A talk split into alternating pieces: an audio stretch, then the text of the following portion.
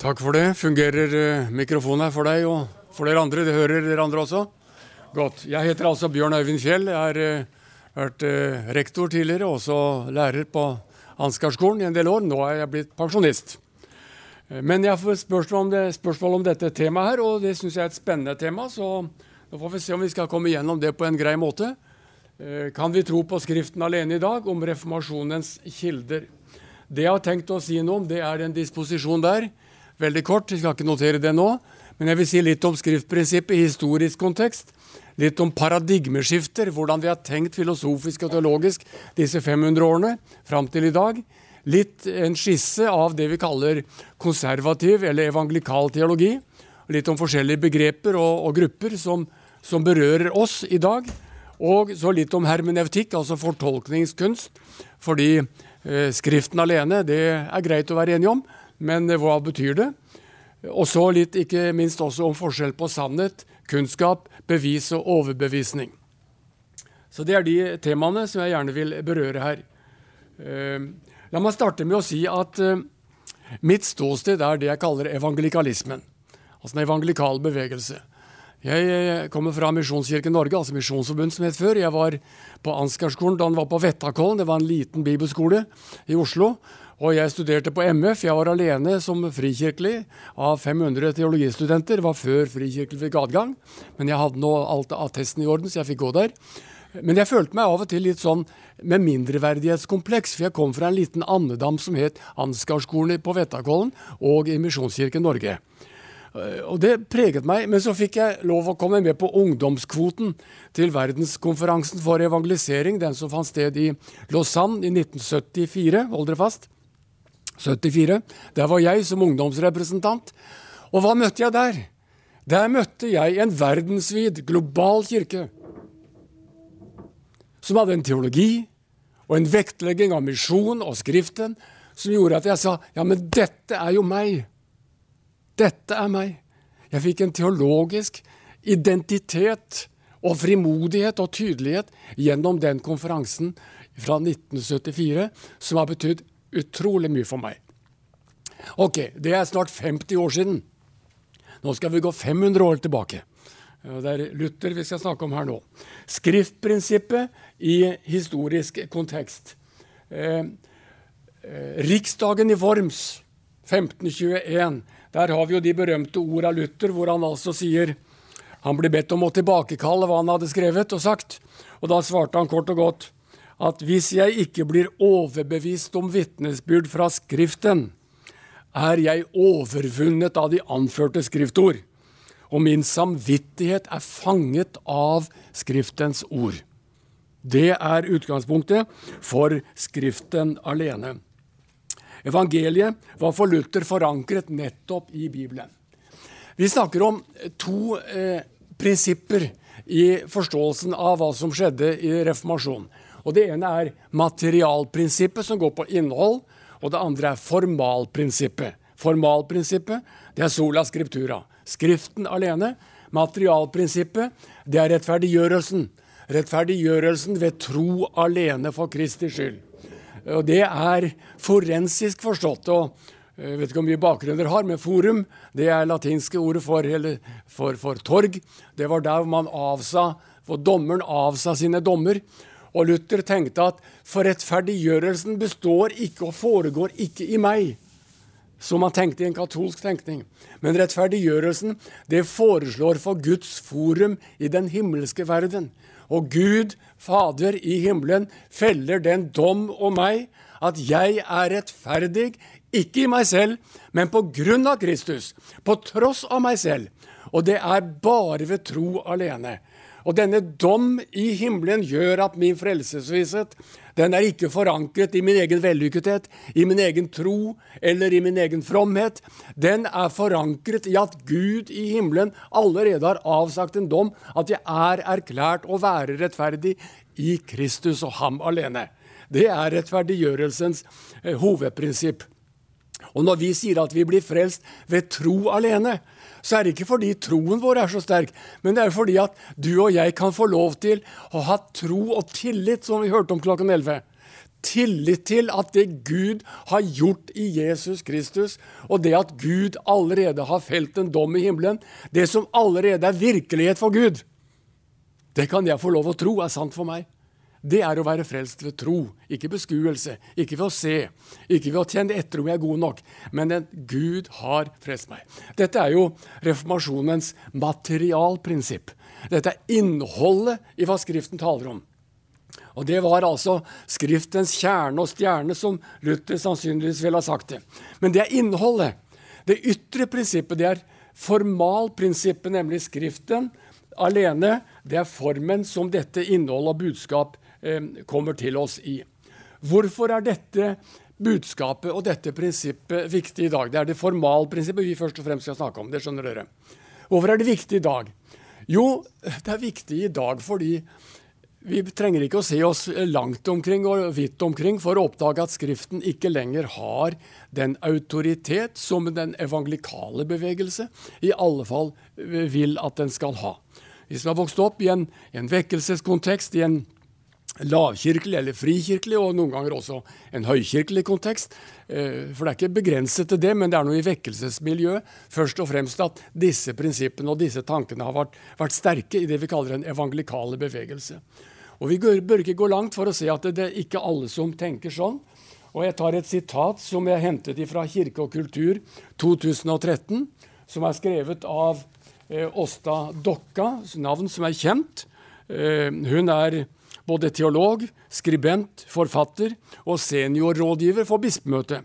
Hun skriver der i dette Kirke og kultur følgende sitat Vi som ikke er enige med Paulus sin intim etikk, skulle noen ganger tillate oss å si høyt og tydelig at Paulus tar feil. Punktum. Det er en måte å uttrykke seg på som jeg føler veldig fremmed. Og jeg syns ikke det er i samsvar med det som jeg tror er den evangelikale bevegelses forankring i Skriften alene. Jeg leser slike utsagn om at det autonome, det selvstendige, myndige mennesket har større autoritet enn Skriftens egne ord. Og jeg spør, Hvis Paulus tar feil i etikken, hvordan kan vi da være sikre på at han ikke tar feil også i dogmatikken? Hvis materialprinsippet faller, så vil også kanskje noe av formal, altså material, eh, Hvis formalprinsippet faller, vil også materialprinsippet kunne falle. Så vårt spørsmål i dag det er egentlig hvilken autoritet har Skriften? Hvilken autoritet har Skriften? Hva betyr prinsippet for dagens evangeliske kristne? Og Spørsmålene de berører, som jeg antydet på disposisjon, både tolkning og hermenevtikk, filosofiske grunnspørsmål som knytter til språk og fortelling, sannhet og virkelighet, spørsmål som er blitt spesielt tydelige gjennom det paradigmeskift som vi snakker om fra modernismen til postmodernismen. Vi skal si mer om det, men først litt mer om formalprinsippet til Luther. Sola scriptura, det er Skriften alene. Bengt Heggelund, som har skrevet en troshistorie, eller eh, troslære, han fremholder tre punkter som vår hvor Luther altså understreker Skriftens autoritet. Den er avgjørende innsikt i det innholdet, altså materialet, eh, frelsen ved tro alene. Det er avgjørende ved at Skriften står over tradisjon i forhold til den katolske kirke. Og for det tredje, Skriftens leses av Luther med nye tolkningsprinsipper. Og Av de tolkningsprinsippene nevner jeg bare raskt fire, og de er kjente. For det første, Kristus er sentrum i Skriften. Alt i Skriften som driver oss til Kristus, det er sentrum. Periferi er noe annet. For det andre, løftesordet og troen på Guds løfter, tilliten til hva Gud har gjort til Kristus, det står i motsetning til all bokstavtrelldom eller bokstavtro. For det tredje, Skriften er sin egen fortolker. Dvs. Si detaljer skal tolkes i lys av helheten. Og for det fjerde, som gir seg av dette grunnsynet, det er at det er relativt stor frihet i perifere spørsmål. Helhetstenkning var viktig for Luther. Eh, og han måtte tenke helhetlig, men likevel så var han bundet av Skriftens ytre autoritet, altså av formalprinsippet. Skriften har i seg selv en autoritet og klarhet som står over tradisjon.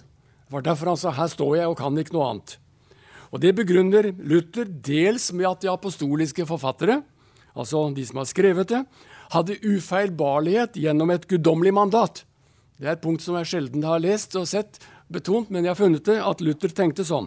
Dels talte han også om at vi trengte den ytre, formelle autoritet i Skriften pga. vår egen svakhet pga. syndefallet. Altså at vi, var, vi, vi, trengte noe som var autoritativt, som eh, kunne så å si korrigere vår egen svakhet og manglende forståelse. Eh, Alistair McGrath er en eh, kjent evangelikal eh, teolog i England, en av de mest toneangivende i dag. Han har skrevet eh, om Luthers forhold til, til tradisjon. Og Luthers forhold til tradisjon det var altså at han sa nei til tradisjon og understreket sola scriptura og Skriften alene.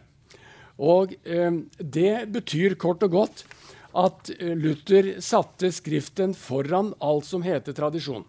Det betyr ikke at Luther sa nei til tradisjon. Og det betyr ikke at vi i dag skal si nei til tradisjon. Vi står alle i en tradisjon. Luther sto i en tradisjon. Han siterte kirkefedrene før. Men altså, autoriteten den ligger i Skriften. Og eh, når Luther sier ja og brukte tradisjon, så brukte han den tradisjonen som besto i at der var kirkefedre, og der var teologer, og der var eh, ledere som gjennom historien, helt tilbake til apostlenes dager, på en sunn og god måte hadde jobbet med Skriften og forsøkt å utlegge den, og Luther kunne gi sin tilslutning til den tradisjonen. Men det vi må skille mellom, det er tradisjon i den gode betydning og tradisjonalisme, som innebærer en rekke andre elementer som kommer til utenom Skriften, og som er blitt en del av den tradisjonen som da truer Skriften når det kommer til motsetning. McGrath kaller dette for tradisjonens enkildeteori sola scriptura. Altså det er, det er bare den tradisjonen som, som, er en del av skriftutleggingen, som vi kan stole på. Mens Den katolske kirke slo fast på Tridentinerkonsilet 1555 eh, at man hadde også en tokildeteori, nemlig at Skriften og tradisjonen var likeverdig, og begge var inspirert av Den hellige ånd. Det er Tridentinerkonsilets vedtak. Altså at tradisjon gjennom pavekirken er Den hellige ånds vei i tillegg til Skriften, og det var det Luther sa nei til. Nå har det jo skjedd veldig mye siden Luther slo opp sine teser og i disse 500 årene. Eh, og La meg si litt om paradigmeskifter. Og Jeg tar de kort først. Premodernismen. Det er, altså Vi snakker om modernismen. Premodernismen det er alt før, og post alt etter. Og modernismen plasserer vi normalt fra opplysningstiden frem til på slutten av forrige århundre. Det er en som, en som heter Ravi Saharias, hørte jeg en gang på en, Canada, en konferanse i Canada på 90-tallet. Og han sa det på en veldig lett måte å huske. Han sa modernismen den varte 200 år. Det gjorde den selvsagt ikke, det er pluss-minus. Det kan ikke tidfeste det sånn. Men han sa den varte fra 1789 til 1989. Den er fra Bastiljens fall i opplysningstiden, fransk revolusjon, og til Berlinmurens fall i 1989. Det er iallfall lett å huske.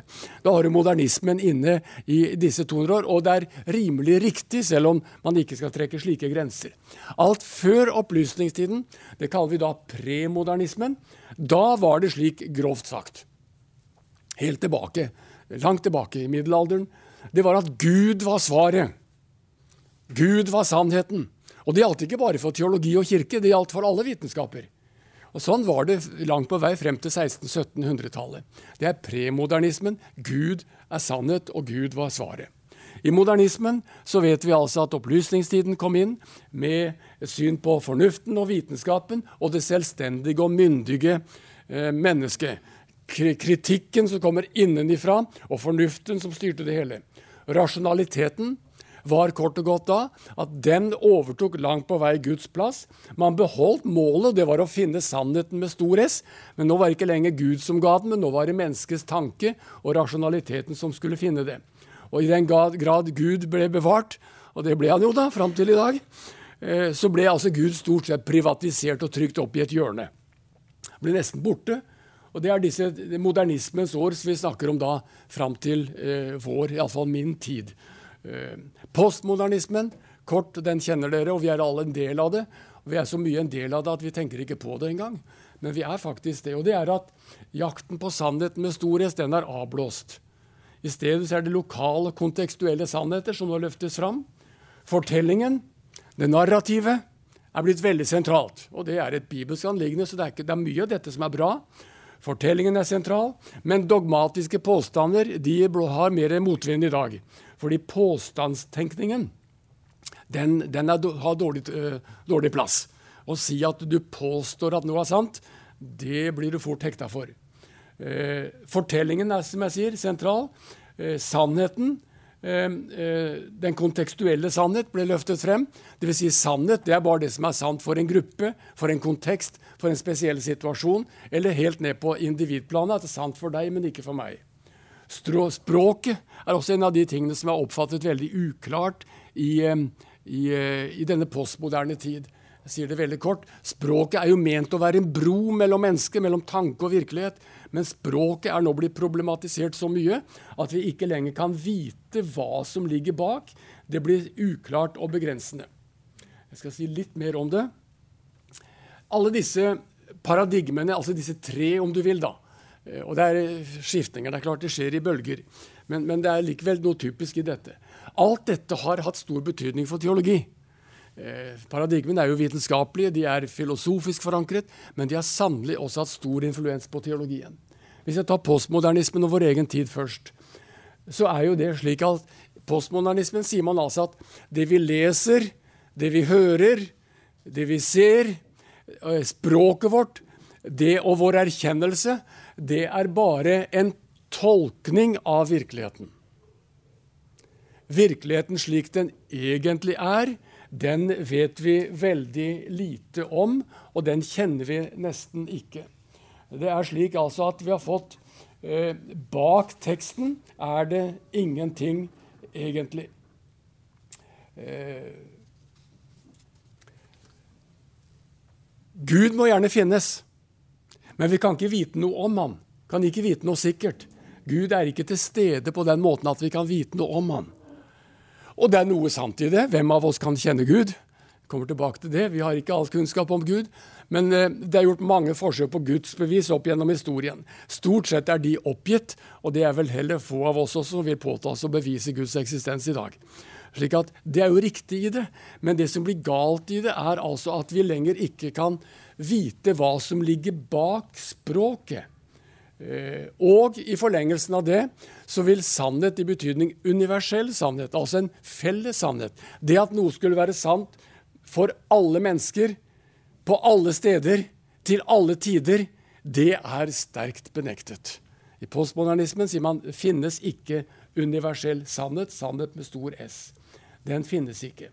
Og Det betyr også for teologien når teologen er preget av dette, så vil de heller ikke kunne si at Skriftens ord og fortellinger eller beskrivelser Vi leser det, men vi har ikke virkeligheten bak det. Vi har bare min og din tolkning.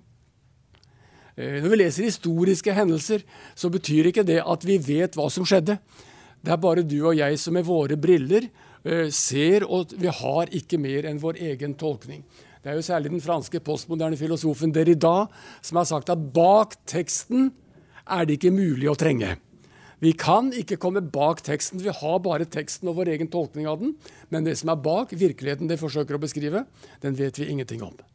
Og det er klart, Hvis det er slik du skal lese Bibelen, at du leser Bibelen og leser tekstene og historien og beretningen og, og, alt som er, og sier ja, jeg leser det, men jeg har bare min, mine øyne og min forståelse av det. Jeg aner ikke hva som egentlig ligger bak denne fortellingen og denne teksten. Anvender du det på Jesu liv, død og oppstandelse, eh, så, så, blir det vanskelig å si at det historiske, det faktiske, det blir borte på en måte i tåka. Det er postmodernismen har veldig mye av dette i det som leses, som skrives og som formidles i dagens situasjon. Og Det er derfor skriftprinsippet er aktuelt i dag som aldri før. Så går jeg tilbake til modernismen og sier hva betød eh, modernismen for teologien? For det er der eh, noe av problemet ligger. Nemlig dette at modernismen, opplysningstiden, den kom altså med det vi kaller selvinnlysende sannheter. En del av dere jobbet sikkert med Descartes Hatt iallfall i forberedende eller lest på annen måte filosofi. Descartes, hva var det han sa?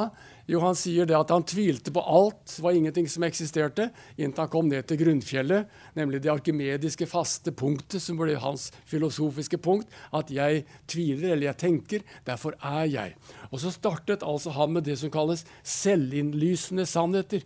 Og ut fra dette selvinnlysende punktet så kunne man bruke logikken og fornuften og rasjonaliteten til å postulere sannheter om virkeligheten, sannheten om livet her nede, om verden som vi lever i. Men ikke bare det. Han kunne også postulere seg frem til at Gud måtte være til.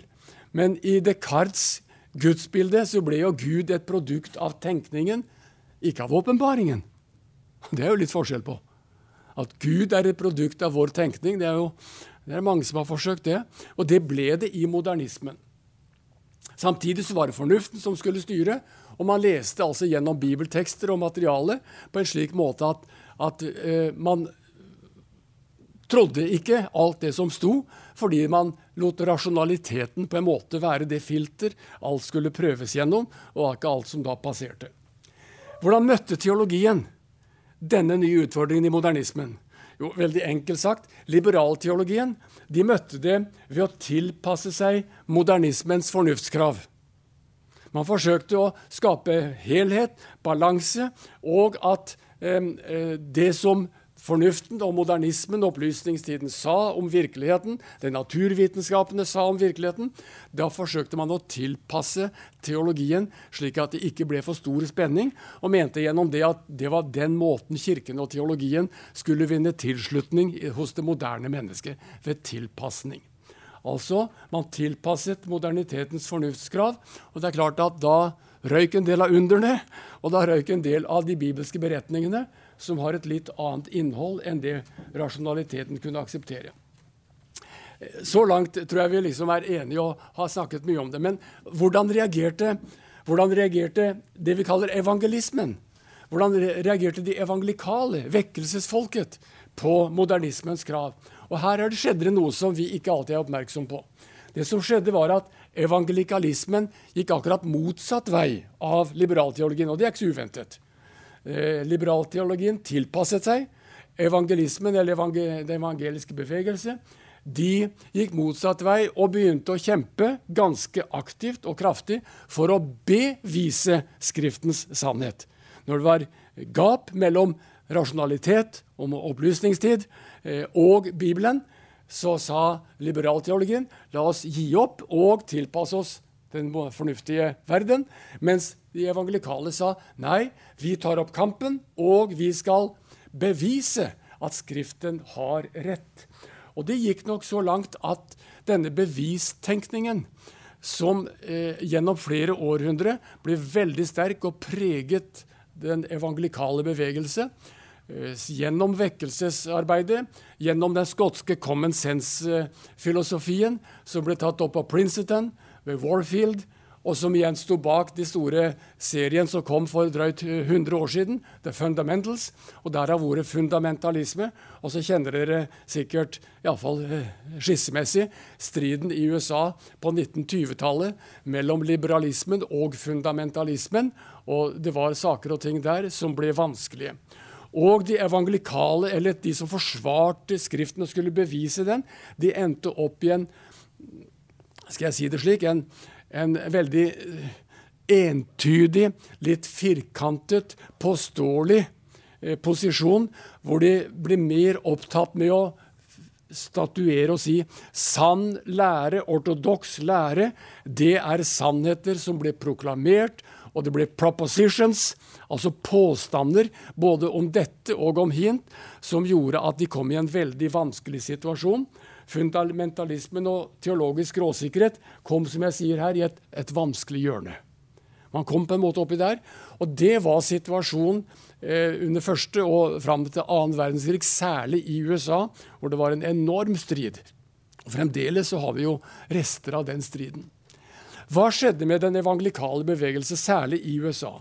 Jo, det som skjedde, var at mange av de evangelikale lederne måtte etter hvert ta et oppgjør med fundamentalismen og biblisismen og si som sant var at dette står vi ikke lenger for.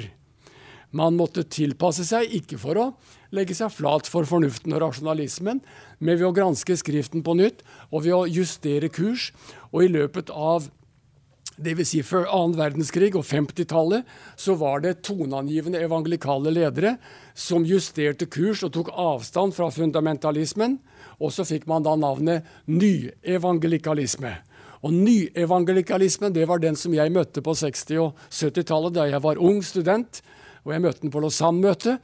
Da var det veldig mange av de lederne fra USA startet opp Christianity Today, og flere av disse som lå i den teologiske backingen som Bill Graham hadde, var veldig mye preget av nyevangelikalismen, som hadde tatt litt avstand fra fundamentalismen, og som derfor justerte kurs, men fremdeles var veldig opptatt med å understreke Skriftens autoritet, og fremdeles mange var opptatt med å bevise og opptatt med propositions. At vi har vi rett lære, Statement of faith var nødvendig for å bli ansatt på institusjoner. Og jeg har selv studert med sånn institusjon som hadde en klar statement of faith for alle lærerne. og Noen steder så måtte jo lærerne skrive under denne statement of faith, som var rimelig detaljert på trospunkter, hvert eneste år for å beholde jobben. Altså, Det ble en slags kontrollfunksjon. Og denne var det en god del av i USA, også i Europa, og også vi i Norge har vært influert i deler av dette. Ja, jeg har et manus her, men det har jeg forlatt for lenge siden, som dere skjønner. Eh, men det er nødvendig også for å komme gjennom eh, i forhold til tiden her, så, så det er sikkert ikke så galt. En, la meg gi en skisse av skriftsyn, altså Bibelen alene. Eh, en skisse av dette bibelsynet opp til dags dato i den evangelikale bevegelsen, for den har vært i forandring det var slik at I løpet av 80- og 90-tallet, særlig 90-tallet, så var det en del yngre evangelikale teologer som begynte å protestere på denne bevis- og påstandstenkningen. Du skjønner hva jeg mener med det? Altså propositions. Og det kom eh, inn en del som ble kalt for post-evangelicals. Det er en Tomlinson som har brukt det uttrykket. Eh, opprinnelig ble det kalt for younger evangelicals, for det var de yngre som, som startet opp. Siden ble det altså Eh, post-evangelicals. De kalles også conservative eh, post-evangelicals. De vil være evangelikale, men de har tatt et oppgjør med generasjonen foran. Den generasjonen foran det var mine teologiske lærere jeg studerte i USA, og også mange av de som jeg møtte på Lausanne-konferansen. Disse som protesterte på dette, de var influert av det vi kaller postliberalismen. Og her er det mange post. Eh, Eh, men hva er postliberalismen? Jo, liberalteologien hadde jo tilpasset seg, og det har jo heller ikke vært noe stort vellykket prosjekt. Vi har ikke fått mer tilhengere i kirkeverden over av den grunn.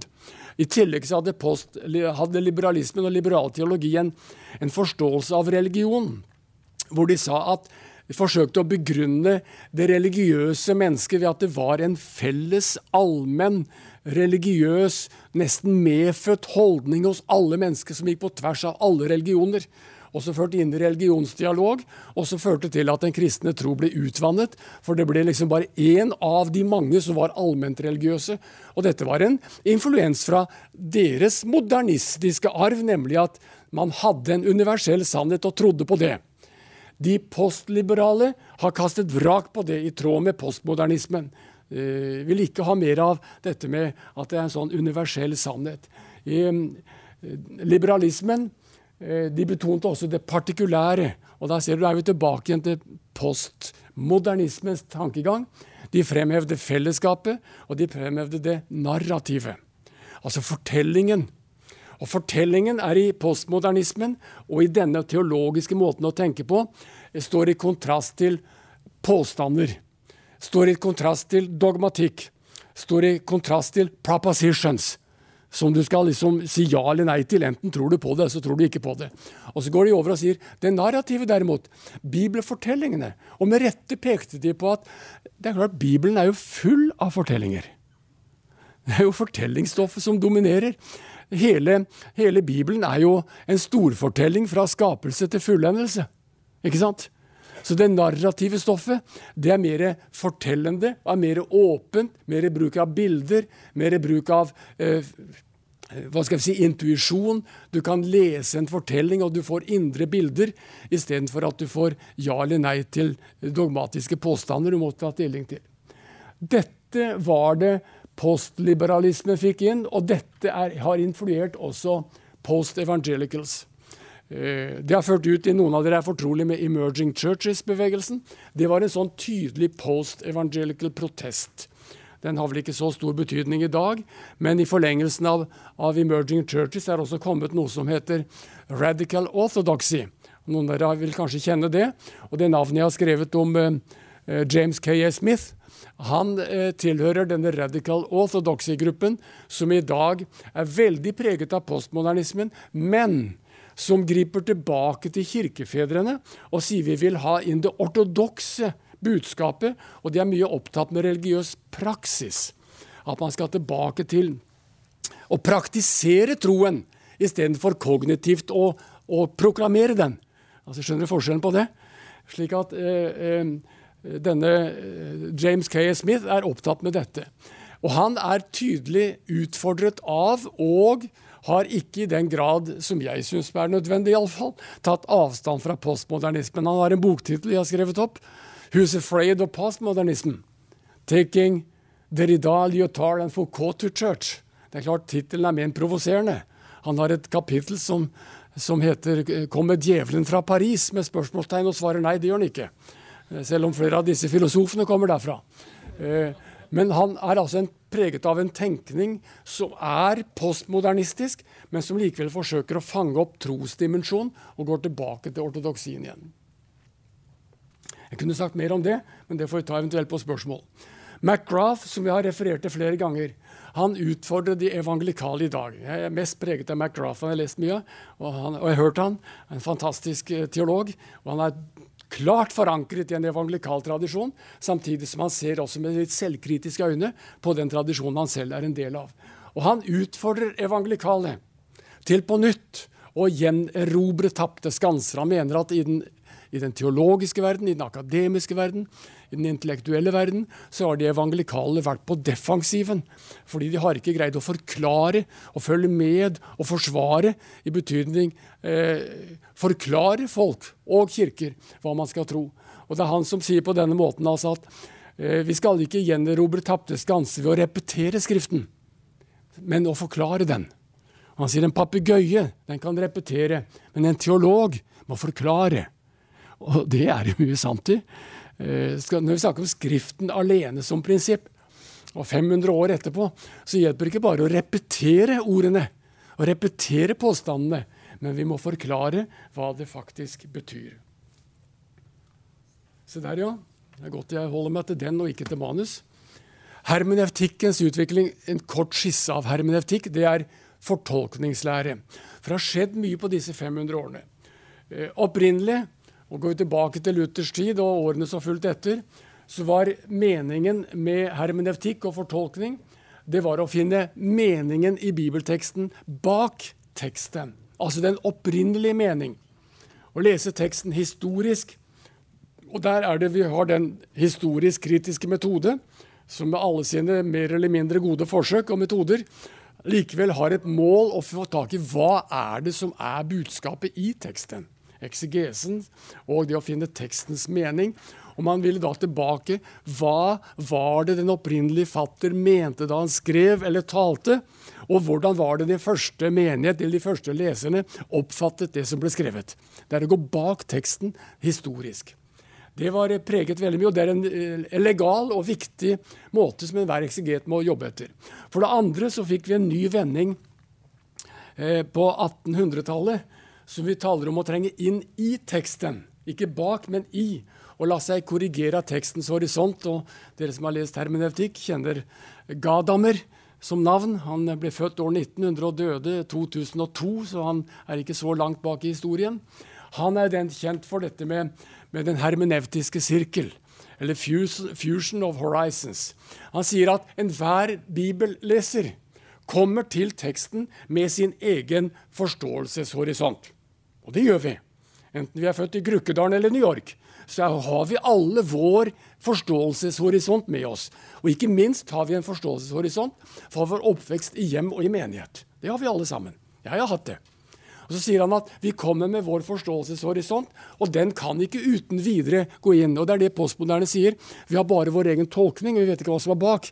Da sier altså Gadamer at denne horisonten du og jeg kommer med, den møter teksten, og teksten har en horisont. Teksten har en forståelse. Og når din horisont møter tekstens horisont, så blir det en bevegelse frem og tilbake, slik at du faktisk får en sammensmeltning. Og den horisonten du kom inn med, vil være litt annerledes når du går ut i neste runde. Så møter du en ny tekst, så skjer det samme. Og så er vi i en bevegelse, og derav navnet Den hermenevtiske sirkel. Det er Gadamer. Men det er å gå inn i teksten og la teksten selv virke tilbake på min egen horisont. Det er liksom den andre utviklingen som er veldig sentral, og som er legal. Det er noe riktig i det. Det tredje og siste og nyeste det er å søke meningen foran teksten. Og da snakker man om den implisitte leser. Og den implisitte leser, Da tenker man seg rett og slett slik at, at vi stiller oss foran teksten.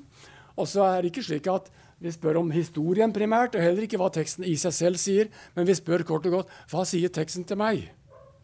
Og Det er også en legal lesemåte. Jeg våger den påstanden at det er slik de fleste eh, kristne leser sin bibel i Norge i dag og over hele verden. Vi kommer til Bibelen og sier hva, hva, hva vil Gud si til meg i dag? Og så er vi ute etter å finne gode løfter, bruke rød blyant. Ingen har gjort det før? Jo visst. Det er det vi holder på med. ikke sant? Og det er fordi at vi, vi spør hva vil Gud si til oss i dag. Og det er legalt. Men det er en radikal måte å gjøre det samme på som blir veldig annerledes. Og det er når man går inn i teksten og sier 'Jeg kommer med min', og hva sier teksten til meg? Den implisitte leser går inn, og da er det min tolkning som blir styrende. Og både teksten og forfatteren blir egentlig borte, og leseren blir medforfatter. Og det er da vi kan spørre retorisk hva skal vi da med tekst? Hvis det er leseren som bestemmer innholdet. Ikke sant? Og Det er en innfallsvinkel som har fått rimelig mye oppmerksomhet, og som preger mye av tekstlesning i dag. Nemlig at jeg Og det er det som skjer når fornuften får autoritet over Skriften, og da er det jeg som kommer med mine tanker, er viktigere. Jeg er medforfatter og påvirker hva teksten skal si i dag. Det er en rimelig radikal og risikabel måte å lese på, men den passer utrolig godt inn i den postmoderne tankegangen. Og mange er fornøyd med å lese Skriften på den måten. Det er det som er saken. Og så må jeg ta litt kort om her også, Det springer litt fra forskjellige områder, men alt dette har veldig betydning for hvordan vi leser Skriften i dag. Eh, kunnskap, sannhet. Hva er det vi får vite gjennom å lese Bibelen? Vi bruker skriftprinsippet. Hvilken kunnskap er det tale om? Ja, hva er kunnskap, da? En liten sånn filosofihistorisk repetisjon for de av dere som har jobbet med dette før. Platon har en definisjon på vitent kunnskap. Det er kunnskap er sann tro med god begrunnelse. Ja, vi hørte jo om begrunnelse inne på talen klokka 11. ikke sant? Hvordan skal begrunne vår tro. Og, og Platon sier på den måten at den definisjonen har tre elementer. Først en trospåstand fremsettes. Jeg tror at sola skinner ute i dag. Det kan jeg påstå. Men hvis dere snur det rundt, så vil alle si nei, det stemmer ikke, for jeg ser det regner ute. Hva? En trospåstand kan være sann eller feil. Enig? Du, du kommer med mening, du har en påstand, og, og, du er ikke derved fremme. Men hvis den påstanden er sann, da har vi kunnskap. Hvis jeg altså sier at sola skinner i dag, og dere protesterer, og jeg også kan protestere, for jeg ser det regner ute er klart, Hvis den påstanden ikke er sann, da, da forkaster jeg den kunnskapen. Jeg går ikke rundt og sier jeg vet at sola skinner i dag når den vitterlig ikke gjør det. Den er ikke sann. Da forkaster vi det. Men hvis jeg påstår at det regner ute i dag, og dere og jeg og vi alle er enige om at det gjør det, da har jeg fått kunnskap om at det regner ute, for den påstanden jeg fremsatte, var sann. Enig? Det er nummer to der. Men nummer tre er viktig også, fordi spørsmålet er jo hvordan kan jeg vite at noe er sant? Hvilken begrunnelse har vi for at en påstand er sann? Og Det er det springende punktet Platon holdt på vi kaller for evidensialisme. Altså give evidence for et eller annet. Du må begrunne det. Og det er jo alt skolearbeid og vanlig arbeid også. Vi må begrunne det vi mener og står på. Og innen naturvitenskapene så er konkret bevis rimelig lett å anskaffe ved å prøve, teste. Og vi har scientism, empirisism, vi har Poppers eh, prinsipp om det motsatte av empirisisme. Eh, og det fins mange forskjellige teorier også innenfor naturvitenskap. Men spørsmålet er jo hva slags begrunnelse skal det gis innen humaniora på at en påstand er sann? Hvordan kan estetikken Det er vanskeligere. Etikken er også vanskeligere. Og ikke minst i hele religionsfeltet. Hvordan vite der at det er? Jeg henviser til en svenske som heter Mikael Stenmark. og Jeg tar han frem fordi han har betydning for vår argumentasjon og forklaring når vi skal snakke om skriftprinsippet i møte med postmodernismen. Derfor tar jeg han frem. Han sier kort og godt i en en eh, epistemologisk teori, altså en kunnskapsteori, som han på godt svensk kaller hverdagslivets kunnskapsteori oppgradert. Det er hverdagslivet, men han har hatt en rimelig filosofisk vri på det, og derfor oppgradert. Han sier kort og godt at innenfor humaniora, også da kristendom og tro og religion, så holder Du kan ikke bevise noe. Scientism og empiricism og alle testforsøkene de duger normalt ikke på å bevise at oppstandelsen gjelder. ikke sant? Eller at Gud eksisterer. Da sier han det holder med rasjonell eh, sannsynliggjøring. Han kaller det for reliabilism. Og Det finnes flere begreper og grader også av det, men jeg skal ikke trette dere med det. Men han sier at det holder med det. Og så sier han, og da bekrefter han postmodernismen, og sier at sannhetspåstand nummer én der oppe, den er alltid lokal. Den er alltid partiell. Den er alltid kontekstuell. Fordi den fremsettes av så mange mennesker. Vi tenker så forskjellig. Alle tros påstander varierer kolossalt. De er plural. Enig? Det er derfor vi, har, det er derfor vi lever i et pluralistisk samfunn. Slik er situasjonen, sier han. Men så sier han at altså kunnskapens troskomponent den er lokal og kontekstuell. Men sannhetskomponenten og her protesterer han på hele postmodernismen på en veldig god måte, etter min mening. Han sier kort og godt at hvis påstanden er sann, da er den ikke bare sann lokalt. Da er den sann universelt. Skjønner du? Dette er, For meg så var det en liten eye-opener. Og jeg syns det, er holdbart filosofisk og logisk. Holdbart både for ateister og teister. Sannhetskomponenten, hvis den er sann, og han tar et eksempel med, med, med, Poppers måte å tenke på, eller en av disse vitenskapelige metodene som har blitt eh, godkjent. Eh, falsifikasjonsteorien til Popper. Eh, altså Han sier jo at det er ikke nok å bevise fem ganger at for, for at det er sant. Du må, du må, gjøre alle mulige forsøk for å avkrefte at det er sant. Og hvis du ikke lykkes med å avkrefte en teori, da er den sann.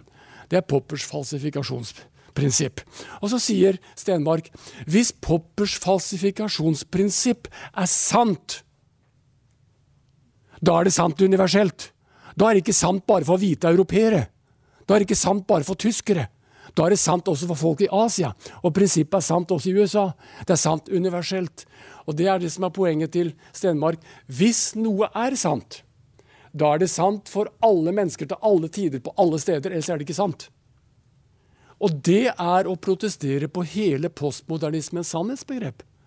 Og han har gjort det på etter min mening en veldig elegant måte. Og Derfor tar jeg det med. Men så feier han til en viktig ting. Hvis, altså Sannheten, hvis den er der, da er den universell. Men så sier han vi kan eie kunnskap om et eller annet vi vet er sant. Men ingen kan eie sannheten. Tar du den? Er du med på det, eller er du ikke med på det? Ingen av oss kan eie sannheten, sier Stenmark. Jeg tror han er rett. Det er bare Gud som har sannheten. Ingen av oss kan eie den. Og Det er derfor den skråsikre påstandsteologien ikke holder vann i det lange løp. For det er ingen av oss som eier sannheten. Ja, men da tar jo fra oss frimodigheten, sier du. Da er vi jo tilbake der at vi vet ingenting. Jo da, vi kan vite veldig mye. Jeg tror det er veldig viktig å, og si at vi kan eie kunnskap og viten, men vi kan ikke eie sannheten. Så han korrigerer evangelikalismens sannhetspåstand. Men han har tatt brodden av postmodernismens påstand at sannhet ikke finnes universelt. Det er det viktige. Og Da er vi tilbake igjen til mitt avsluttende poeng, nemlig dette at til Luther eh, Vår tro det er å ha tillit til at Gud i Kristus har gjort det som skal gjøres for at jeg skal bli frelst, og for at vi skal oppleve at Guds rike kommer. Og min frelse den er begrunnet i at jeg får lov å tro det som alt er virkelighet for Gud. Kan ikke bevise det. Kan ikke eie det. Og det er det Paulus sier. Nei, vi vandrer ikke det å se. Vi vandrer ikke i beskuelse. Vi vandrer bare i tro. Og vi vandrer i tro så lenge vi vandrer her nede. Det er først når vi kommer inn i herligheten. Da skal vi se ham ansikt til ansikt og bli ham lik. Men så lenge vi er her nede, så har vi bare troen å vandre i. Slik at vi er frelst bare ved tro. Tro som tillit til det Gud har gjort. Guds virkelighet, den er det vi får lov til å tro på. Og sannheten kan bare gripes i tro, ikke eies. Hva er risikoen ved å eie en sannhet? Hva om vi hadde fått sannheten om Gud? Jeg tror Herren er så viselig at han aldri ga den fra seg. For da hadde vi hatt Gud i boks, og da hadde mye rart skjedd. Og det er det når kristne opptrer som om de har Gud i boks, da skjer det mye rart. Det er det vi kaller svermeri. Og det har vi møtt. Og svermeriet ligger etter min mening mye nærmere oss enn vi aner. Vi har alle tendenser til å drive svermeri og, og, tro at jeg skal være noe veldig spesielt, og at jeg har spesialkontakt med Gud. Tre kjennetegn på svermeriet tatt på sparket her. Det ene er at du har direkte kontakt med Gud, og det Gud har sagt til deg, det er gyldig selv om alle de andre sier det stemmer ikke, verken med Skriften eller erfaringen. Det andre kjennetegnet er at en svermer aldri tar veiledning. Hører ikke på veiledere, ikke på kirkens ledere engang. Og ikke på åndelige ledere. Og det tredje er at svermeri har alltid i seg en evne til å manipulere. Og det er det som skjer hvis jeg eier Gud og sannheten. Da ville jeg, fordi jeg er et syndig menneske, gjort det og brukt det for å manipulere medmennesker. Og det har vi ikke anledning til. Så alle forsøk i den gata, det er blindgater. Og, og det er en selvkritikk som jeg tror vi må få lov å ta. Men denne tro er ikke, med referanse klokka 11 igjen Jeg visste ikke at eh, han skulle tale om dette temaet. Men igjen, denne tro er ikke en blind tro uten kontakt med hverdagen. Det er en tro som er tillit til at Gud er større enn hverdagen. Og at det er virkelighet for meg, for det er virkelighet for Gud. Blind tro det kalles med et fint ord som ikke jeg hørte nevnt der inne fideisme. Fides, tro. Fideisme, det er blind tro. Det er en antiakademisk holdning som, tiden, som til tider har preget også norsk lavkirkelighet og frikirkelighet. Jeg har ofte hørt, ofte sagt med, med, med med brodd mot universitet og utdanning og teologi. Bare tro, så skal du forstå det. Har du hørt det? Tenk det. Bare tro, så skal du forstå det. Ja vel, det hender nok det at vi får åndelig syn etter hvert. Men, men altså, vi, må ikke gå over i den der. Og det bør ikke være antiintellektuelt. Og jeg tillater meg å avslutte her med en kollega, professor, eh, som vi hadde ti år på Ansgarskolen. Markus Sender. Han er sveitser, tysker. Men han var ansatt, nå er han ansatt på California, på Biola. Eh, men han eh, sa, og tydelig, han har skrevet et lite hefte som heter 'Bibelens autoritet', som går rett inn i tematikken her. Og Han har en litt annen tilnærming. Han sier kort og godt at motsatt. Du skal ikke gå troens vei når du skal inn i Skriften og tro at den har autoritet. Du skal granske, du skal forske, så skal du se at bibelordet er troverdig. Han sier kort og godt, og han, han, går så langt at jeg greier ikke å følge han helt der heller. For jeg har så mange problemer når jeg leser Skriften. Men han sier hvis du virkelig forsker og jobber og går dypt inn, så vil du se at Skriften er troverdig, og at den er til å stole på. Og hvis du skjønner ved forskning og arbeid å bruke vitenskap og fornuft og alt som du har til rådighet, både av tradisjon fra kirken, den gode tradisjon, din egen fornuft, Eh, evner vi har fått til å tenke og resonnere, og du bruker erfaringen, både din egen og andres, så skal du se at Skriften er til å stole på. Skriften er troverdig. Og hvis Skriften er troverdig, da vil den jo også ha autoritet. Da bør du ikke argumentere for den engang. Da har den autoritet. Det er hans logikk og innfallsvinkel til dette.